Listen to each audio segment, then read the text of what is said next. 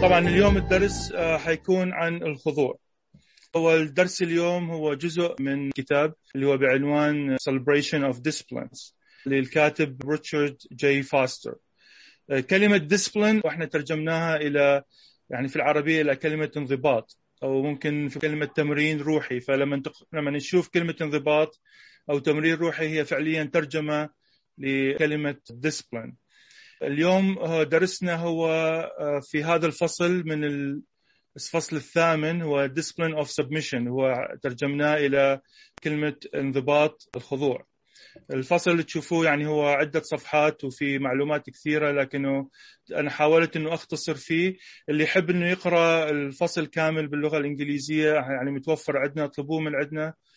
بصورة عامة كل التمارين الروحية اللي إحنا حدثنا عنها سابقا واللي آه، أيضا حنتحدث عنها اليوم وفي الأسابيع القادمة هي هي الغرض منها إنه نتمتع بالحرية في المسيح. طبعا واحدة من الملاحظات المهمة اللي أنا شفتها في هذا الدرس إنه لم يتم إساءة استخدام تمرين روحي أكثر من الخضوع نفسه. تم إساءة استخدامه آه، خاصة إنه إحنا كبشر الكاتب يقول إحنا عندنا موهبة غير عادية إنه نأخذ أفضل التعاليم لكن نحولها إلى آه، إلى اسوء النتائج. الدين آه، ممكن انه يستخدم إنه يضع الناس في عبودية. وما في شيء في الدين إنه يستعبد الآخرين غير إنه يعني بوجود تعليم ناقص عن فكرة الخضوع وخاصة في المسيحية.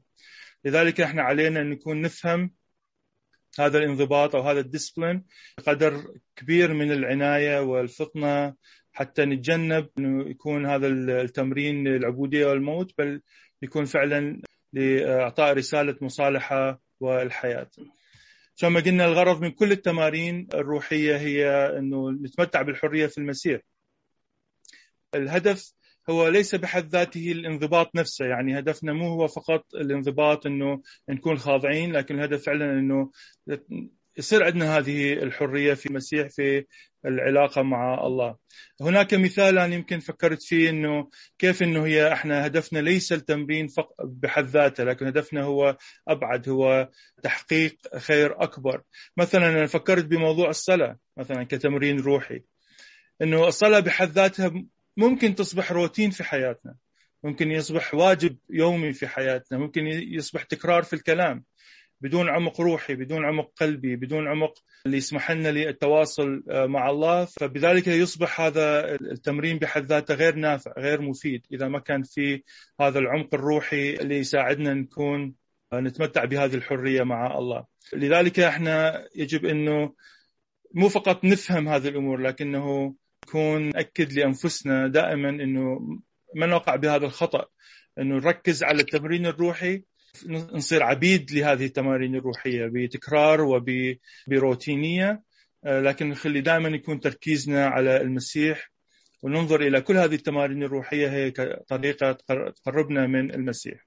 هناك بعض النقاط اللي آه، حنحكي فيها اليوم آه، خاصة بتمرين الخضوع. النقطة الأولى هي الحرية في تمرين الخضوع. السؤال اللي يطرح نفسه طب كيف هناك حرية في الخضوع؟ يعني كلمة الخضوع نفسها في المفهوم العام أنه هي تعني عبودية ممكن. ممكن تعني قيود ممكن تعني استسلام لأفكار أخرى أو لأناس آخرين. فكيف يمكن أنه للخضوع أنه فعلا يمنحنا الحرية؟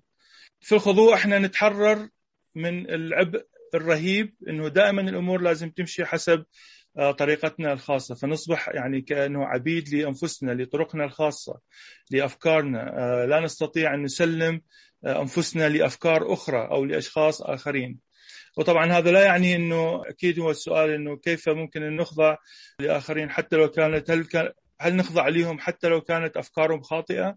طبعا أكيد هذه النقطة إحنا حندخل فيها حنحكي فيها في نقطة لاحقة هي عن حدود الخضوع لكنه بصورة عامة إنه لما نطالب تسير الأمور بطريقتنا وما نقبل بطرق أخرى فهو أحد آه، انماط العبودية في المجتمع البشري اليوم. لذلك هذا التمرين هو مهم يحررنا من هذه السيطرة أو الحاجة لهذه الشعور إنه إحنا لازم نكون مسيطرين على كل الأشياء بحسب رأينا الخاص.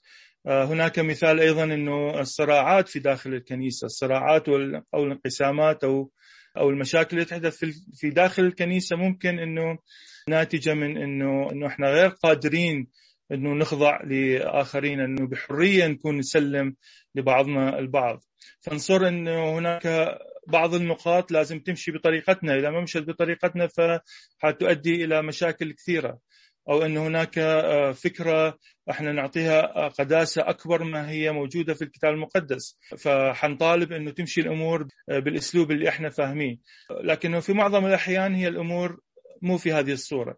أنه الله أعطانا حرية في فهم الأشياء من القلب. الروح اللي بداخلنا ممكن أنه سامح عن قسم من الأشياء.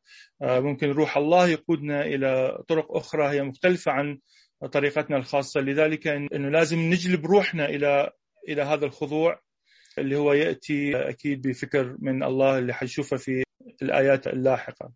آه، يركز التعليم الكتابي حول الخضوع بشكل أساسي على الروح اللي ننظر بها إلى الآخرين، كيف إنه آه، ننظر إلى الآخرين إلى بالروح اللي في داخلنا وليس فقط من من خلال رؤيتنا آه، لتصرفاتهم أو أعمالهم، لكنه روحيا كيف ننظر إلى الآخرين.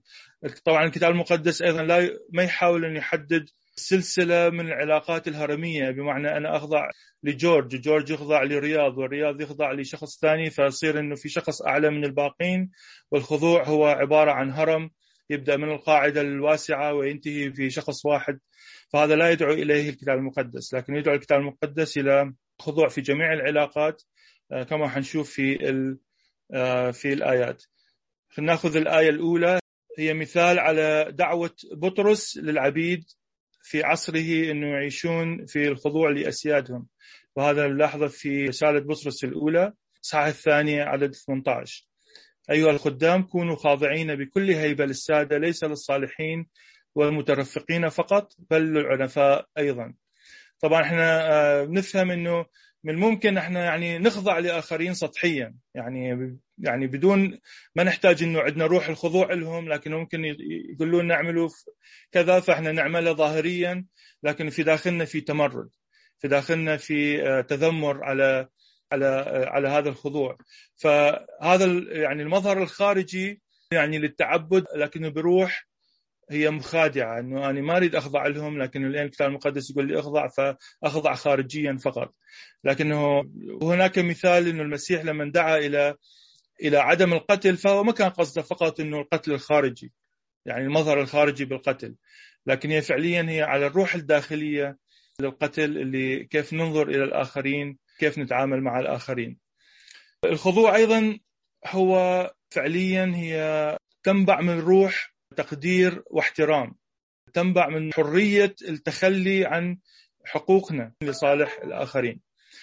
طبعا يمكننا نحب الناس آه، دون قيد أو شرط وأيضا إنه إحنا آه، بهذا الأسلوب نقدر نفرح في نجاح الناس ونشعر أيضا بالحزن الحقيقي في فشلهم. فإذا أنت كنت بس تطبق الخضوع كشيء خارجي فحيكون عليك صعب جدا إنه تفرح في نجاح الآخرين أو تشعر بحزن في حالة إن هم يفشلون. يمكن يصير بالعكس يمكن تفرح لمن بيفشلوا. إذا كان الخضوع ما جاي من روح فعليا إنه أتخلى عن حقي في صالح الآخرين. فلذلك الحرية اللي تأتي من الخضوع هي فعليا تأتي من التنازل عن حقوقك. إنه أنت متحرر فلذلك هاي الاكسبكتيشن إنه الناس لازم تمشي على طريقتي.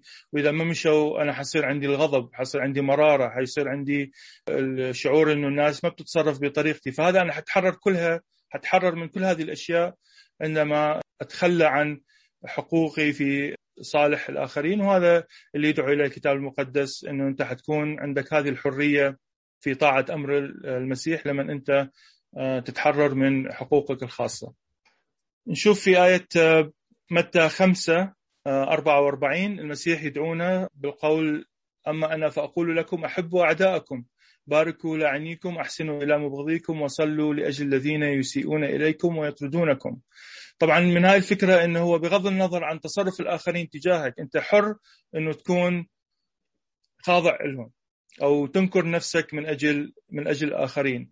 آه، فتخيل إنه لو كان خضوعنا هو مبدئيا آه، حسب تعامل الناس معك فإحنا ما راح نقدر نخضع إلى أعدائنا ما راح ما راح نقدر نحب أعدائنا أو نبارك لاعينينا أو نحسن إلى المبغضين. لكن حتى نطبق هذا الفكر اللي في المسيح إنه هو إحنا نتخلى عن ذاتنا فنحصل على هذه الحرية نقدر نحب الناس اللي حتى اللي يسيئون إلينا.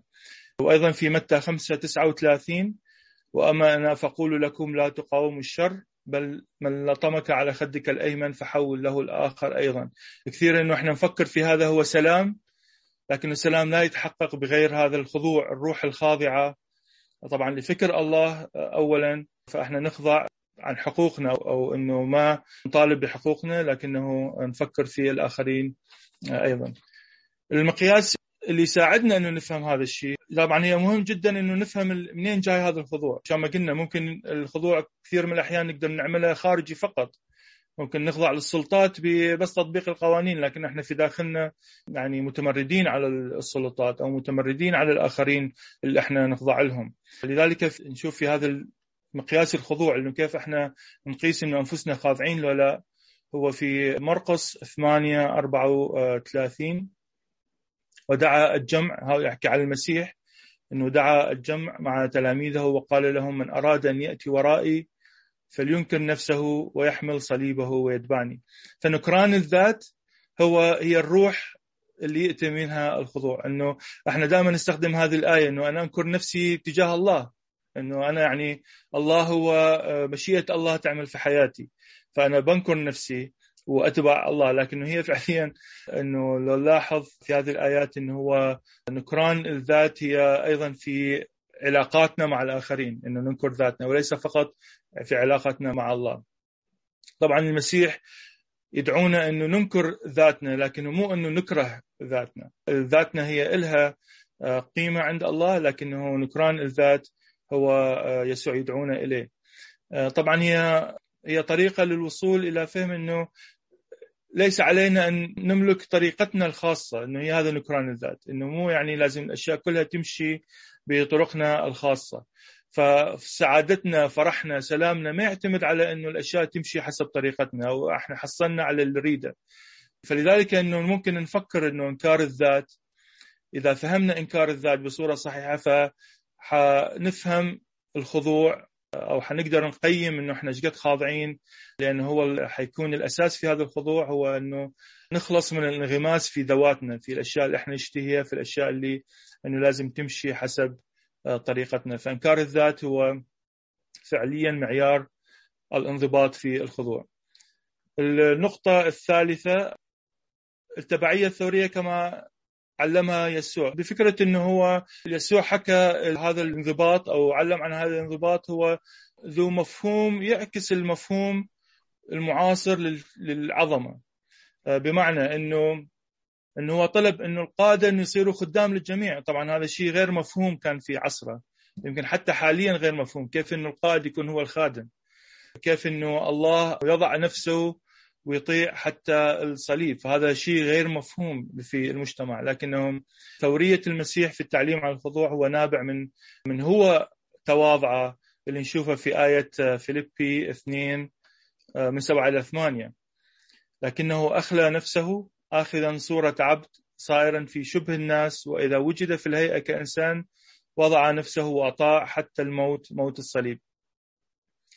فالمسيح أنه مو فقط مات على الصليب. لكنه أيضا عاش حياة الصليب. وهذا هو أيضا فرق كبير لأنه آه، هو صح أجا كإنسان ومات على الصليب لكنه يقول آه، وضع نفسه وأطاع. آخذا صورة عبد صائرا في شبه الناس بمعنى أنه أيضا عاش طول حياته هي حياة الصليب اللي فيها خضوع للجنس البشري خضوع للخالق خضع للمخلوق في هذه الفكرة أنه المسيح الله أخذ جسد وصار إنسان وعاش آه، معنا ومات على الصليب. فطريق الخادم المتألم كان ضروريا أيضا لخدمته حتى يقدر يعلمنا عن الخضوع كيف هو خضع لجميع البشر وكان خادما للجميع. فيسوع في هذه الفكرة أنه هو آه، حطم كل العادات اللي كانت في زمانه فهو عاش حياة الصليب علم عن هذا الموضوع في إنه أخذ آه، مثلا النساء كانت في وقته ما لهم قيمة آه، عالية لكنه أعطاهم قيمة أعلى أعطى للأطفال أيضا قيمة عالية. عاش حياة الصليب في الخدمة من خلال أنه هو غسل أرجل المخلوقين أو التلاميذ غسل أرجلهم. فكانت حياة يسوع هي حياة الصليب في الخضوع والخدمة وموته أيضا على الصليب كان في خضوع وطاعة. لم يكتفي المسيح أنه هو يخضع أو هو أنه طبق الخضوع شخصيا في حياته بل أنه دعا أتباعه وتلاميذه أيضا أنه يعيشون هذه الحياة حياة الخضوع. فخلينا نشوف في مرقس تسعة. فجلس ونادى الاثنى عشر وقال لهم إذا أراد أحد أن يكون أولا فيكون آخرا آخر الكل وخادما للكل. وهم لما غسل أرجلهم قال لهم لأني أعطيتكم مثالا هذا في يوحنا 13 15 لأني أعطيتكم مثالا حتى كما صنعت أنا بكم تصنعون أنتم أيضا. فالمسيح دعا آه، فعليا أنه أيضا تلاميذه يتمثلون بنفس الفكرة آه، حياة الخضوع حياة الصليب. النقطة الرابعة اللي اللي تخص موضوع الخضوع هو أيضا الرسائل نشوف أنه تلاميذ المسيح بعد ما تعلموا هذه الأشياء من المسيح تعلموا على الخضوع أيضا أعطونا تفاصيل أخرى بقيادة أكيد الروح القدس إنه كيف إحنا نقدر نعيش نعيش هذا الانضباط أو هذا الديسبلين آه، في حياتنا. فنشوف إنه المثال الأول هو في رسالة فيليبي وهو من بولس إنه يدعو الكنيسة إنه إنه احسبوا الآخرين آه، أفضل من أنفسكم. طبعا هي فيها خضوع وفيها إنكار للذات. في فيليبي اثنين أعداد من اثنين إلى أربعة فتمموا فرحي حتى تفتكروا فكرا واحدا ولكم محبة واحدة بنفس واحدة مفتكرين شيئا واحدا. لا شيء بتحزب أو بعجب بل بتواضع. حاسبين بعضكم البعض أفضل من أنفسهم. لا تنظروا كل واحد إلى ما هو لنفسه بل كل واحد إلى ما هو لآخرين أيضا. فنشوف أنه فيها فكرة أنه أنكر نكران الذات أنه احسبوا الآخرين أفضل من أنفسكم. فهذا هو نكران الذات اللي هو اللي فيه تواضع فيه خضوع واللي في الأخير ممكن ان نوصل عن طريق يعني بهذا الخضوع والتواضع إلى وحدة وحدة الكنيسة. وكذلك الرسول بطرس يعني مو فقط الرسول بولس إنه علم عن الخضوع لكنه رسول بطرس أيضا في رسالته الأولى إصحاح الثاني أعداد 18 إلى 23 عدد 18 أيها الخدام كونوا خاضعين بكل هيبة للسادة ليس للصالحين المترفقين فقط بل للعنفاء أيضا. لأن هذا فضل إن كان أحد من أجل ضمير نحو الله يحتمل أحزانا آه، متألما آه، بالظلم. طبعا ولباقي فقرات هذه الآية طبعا الرسول بطرس أيضا بشكل واضح أن يدعو التلاميذ إلى هذا الخضوع. بنكران الذات بكل هيبة تدعو أيضا إلى الروح. يعني فقط مو خضوع عملي فقط أنه أعمل الأشياء اللي أنا مدعو أنه أعملها لكنه أيضا بكل هيبة هي فيها روح الاحترام فيها روح السيادة أنه أنا أخلص عن ذاتي أو أنكر ذاتي وأخضع لهذه السيادات. وفي رسالة أفسس أيضا هناك تعليم عن الخضوع أفسس 5 21 خاضعين بعضكم لبعض في خوف الله. طبعا الخضوع أيضا مبين أنه هي تلبية لدعوة الله أنه خوف الله أنه نخضع مو لأنه إحنا آه، نخضع بعضنا لبعض لأنه واجب علينا لكن في مخافة الله آه، فهو شيء داخلي في داخلنا لازم نتعلم نخاف الله ونكون أيضا خاضعين بعضنا لبعض. المسيحيين مدعوين أنه يعيشون حياة الصليب في الخضوع وهي دعوة نابعة من حياة يسوع نفسه في مخافة آه، الله. إنكار الذات طبعا إحنا كرجال كأزواج وكنساء آه، زوجات أو آباء وأبناء سادة وعبيد كلنا إحنا كما حنشوف يعني في الآيات إنه الكل مدعوين إنه نعيش حياة الخضوع، ماكو فرق بين الزوج والزوجة إنه الاثنين مدعوين إنه يعيشون حياة الخضوع، كذلك الآباء والأبناء والسادة والعبيد آه، لأنه هو موضوع الخضوع نابع من إنكار الذات، لذلك أن الكل اللي يتبعون المسيح لازم يتدربون على موضوع إنكار الذات ويتبعون الرب المصلوب النقطة الخامسة قبل الأخيرة حدود الخضوع. وهي واحدة من النقط ممكن اللي تساعدنا نفهم أو على الأقل كاتب الموضوع إنه حطها كحد كخط أحمر إنه إحنا لازم ما نعبره لأنه يكون الخضوع يصير شيء سلبي في علاقاتنا أو في علاقتنا مع بعض أو مع الله. فهذا النقطة إنه هناك خطوط في الخضوع إنه اللي يصير في الخضوع مدمر وعامل للهدم. يصبح إنكار لقانون الإلهي هي في المحبة كما علم المسيح ويصير إهانة للخضوع الكتاب الحقيقي. يعني أنا إذا خضوعي للناس هو هو يخليني أفشل في خضوعي لله. طبعا هذا هو خط أحمر. الكتاب المقدس لا يدعونا إلى هذا النوع من الخضوع. في متى 22 37 إلى 39 فقال له يسوع تحب الرب إلهك؟ هاي الوصية الأولى والعظمى. تحب الرب إلهك من كل قلبك ومن كل نفسك ومن كل فكرك؟ هذه الوصية الأولى والعظمى والثانية مثلها تحب قريبك آه، كنفسك. فالخضوع هو لا يجب إنه إنه إحنا نتجاوز على هذه الوصايا. ففكر الخضوع هو ليس إنه نتجاوز على هذه الوصايا إذا انطلب من عندنا إنه نتجاوز عليها. وطبعا الدليل إنه في الرسائل لاحظ مثلا إنه الرسول بطرس دعا المسيحيين إلى خضوع جذري للدولة وللسلطة في بطرس الأولى 2 من 13 إلى 14 قال لهم اخضعوا لكل ترتيب بشري من أجل الرب.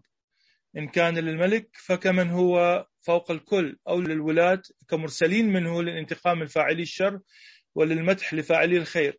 ولكنه لما الحكومة في عصره في الكنيسة الأولى إنه أمرتهم أو أو حاولت تجبرهم أو تجبر بطرس والتلاميذ عن إنه يبطلون من إعلان رسالة المصالحة في المسيح بطرس أجابهم بآية الأعمال اربعه فاجاب بطرس ويوحنا وقالا إن كان حقا أمام الله أن نسمع لكم أكثر من الله فاحكموا لأننا نحن لا يمكننا ان أن لا نتكلم بما رأينا وسمعنا.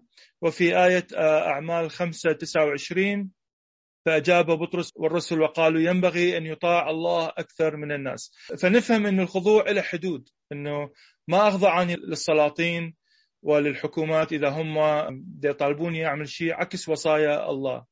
فهذا هو خط أحمر واضح جدا في الكتاب المقدس. طبعا في آية أخرى لبولس أيضا أنه كان في نفس الموقف. هو دعا بولس في مثلا رسالة روميا 13 واحد لتخضع كل نفس للسلاطين الفائقة لأنه ليس سلطان إلا من الله والسلاطين الكائنة هي مرتبة من الله. لكن لما رأى بولس أنه الدولة فشلت في أداء وظيفتها التي يعني الله وضعها لأنه هو يقول السلاطين هي مرتبة من الله لكن إذا فشلت في وظيفتها فهو أيضا دعا للمساءلة وأصار على تصحيح الخطأ وهذا نشوف الجواب في أعمال 16 فقال لهم بولس ضربونا جهرا غير مقضي علينا ونحن رجلان رومانيان وألقونا في السجن أفالآن يطردوننا سرا؟ كلا بل يأتوا هم أنفسهم ويخرجونا بمعنى أنه أنه لا ينفع إذا السلطات أنه هم خالفوا فكر الله من من قيادتهم أنه إحنا نخضع لهم حتى لو هم يخالفون فكر الله. التلاميذ في الكنيسة الأولى فهموا بأن الخضوع أنه يصل إلى نهايته هناك حد. عندما يكون هذا الخضوع هدام يهدم العلاقات يهدم الكنيسة. لذلك هم رفضوا أنه يخضعوا آه، لهذا النوع من الخضوع. وطبعا كانوا بنفس الوقت مستعدين أنه يتحملوا العواقب. ما كانوا رافضين للعواقب لكنه كانوا رافضين أنه يخضعوا للعوامل اللي ممكن تؤدي إلى هدم العلاقات أو الكنيسة. طبعا إحنا بمفهومنا الحالي إحنا ممكن نفكر في مثلا المشاكل بين الزوج وزوجته. فهناك حنشوف انه هناك أوامر بالخضوع. طبعا الطرفين حنشوف انه هم بيخضعوا لواحد الثاني لكن متى يكون الخضوع؟ من عدمه يصبح هدام. ممكن مرات الخضوع يكون يهدم العلاقة. فهل إنه الخضوع حيكون من الله في هذا الوقت؟ طبعا هناك حد لهذا الخضوع إنه لازم ما نسمح له إنه يكون هدام. طبعا الفكرة أيضا مثلا آه، المعلم لما يحاسب الطالب ظلما هل إنه الطالب لازم يخضع؟ أم أنه يقاوم. كذلك في العمل وكذلك في قوانين الدولة. طبعا هي كلها أسئلة معقدة. إحنا ما ندعي إنه نعرف الإجابة عن كل هذه الأسئلة؟ وطبعا أيضا لا يوجد إجابات خلينا نقول مبسطة لكل هذه الأسئلة لأنه ماكو هناك قانون واحد آه، حيغطي لكل هذه المواقف. لكنه الجواب الفعلي اللي إحنا نشعر كتلاميذ المسيح إنه هو الروح القدس. إذا اعتمدنا اعتماد عميق على الروح القدس هو حيرشدنا إلى العيش بحياة نكران الذات بطريقة ما تخالف فكر الله ما تخالف وصايا الله ما يكون فيها هدم بل يكون فيها بناء وفيها نمو. لذلك نتعلم أن نكون نخضع خضوع عميق لإرشاد الروح القدس وأيضا أكيد من خلال الكتاب المقدس. النقطة الأخيرة اللي من خلال هذا الدرس أنه نحكي شو هناك عدة نقط أنه ممكن تساعدنا نفهم ما هي أعمال الخضوع. أو أعمال التسليم. طبعا حذكرها هي مذكورة باختصار. فمثلا قلنا أنه الخضوع الأول أو أول عمل الخضوع هو لله. لله يشمل طبعا الثالوث ليس فقط للآب أو الإبن لكن الآب والإبن والروح القدس. فاحنا نخضع لهم أو نخضع لله الثالوث نسلم أجسادنا نسلم عقولنا أرواحنا حتى هو آه، يتعامل معنا بالطريقة اللي هو يشوفها آه، مناسبة لنا. الفعل الثاني هو نخضع للكتاب المقدس اللي آه، اللي هو نابع أيضا من من فكر المسيح من فكر الله من فكر الآب وبإرشاد من الروح القدس يعني كتب بإرشاد من الروح القدس فإحنا نخضع أيضا للفكر الموجود في الكتاب المقدس. النقطة الثالثة في خضوعنا هو أنه نخضع لعوائلنا عوائلنا في الجسد.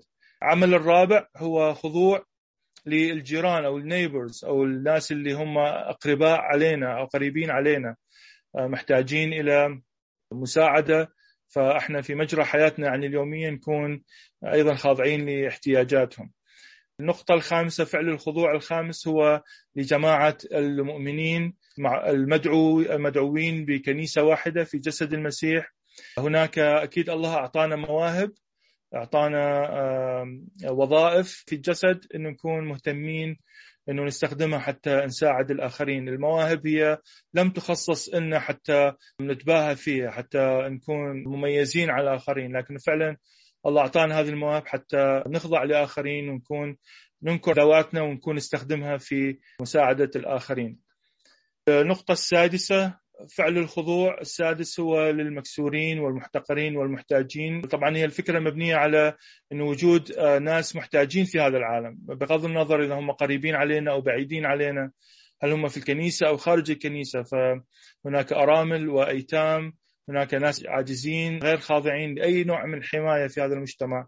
طبعا هذه أيضا يعني واحدة من الآيات المهمة اللي إحنا لازم نكون نفهمها ونعيش بها هي في يعقوب واحد 27 الديانة الطاهرة النقية عند الله الآب هي هذه افتقاد اليتامى والأرامل في ضيقتهم وحفظ الإنسان نفسه بلا دنس من العالم. فيعني الله يعتبرها أيضا نوع من العبادة النقية لتقربنا من الله.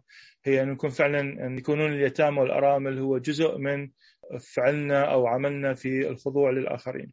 النقطة الأخيرة في أفعال الخضوع هو الخضوع للعالم. بمعنى إنه إحنا ما ما عايشين بعزلة عن العالم، ما نقدر إحنا نعيش فقط خلينا نقول إحنا كجسد المسيح أو تلاميذ نقدر نعيش آه، بس مع بعضنا البعض ونقدر نخضع لبعضنا البعض في محبة وفي سلام لكنه إحنا عايشين في مجتمع.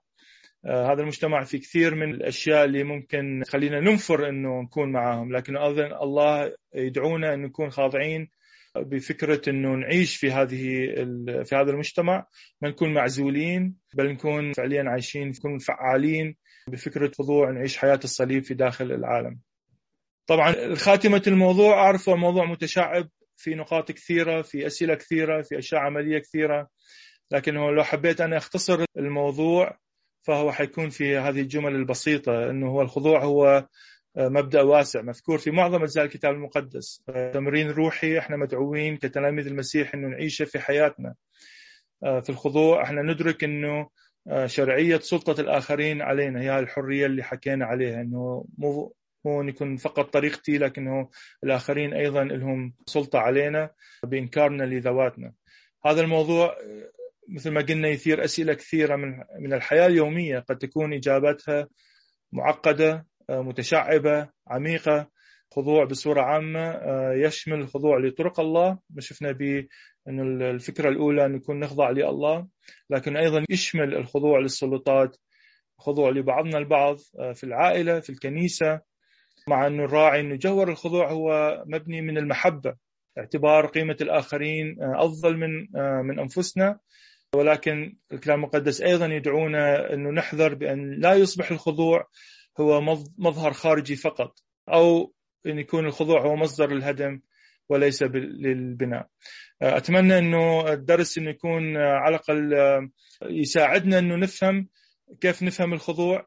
أكيد أنا متوقع إنه في أسئلة كثيرة. أتوقع إنه في محتاجين إنه نجاوب على بعض الأفكار الخاطئة عن الخضوع وكيف إنه نقدر نخلي الروح القدس يقودنا في هذا الموضوع.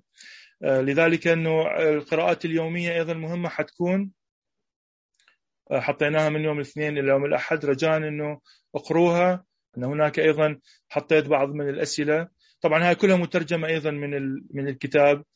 آه، فهي هذه الأسئلة أيضا تساعدنا إنه نكون نثير النقاش يمكن في داخلنا اولا حتى نكون نستفاد من هذا الموضوع.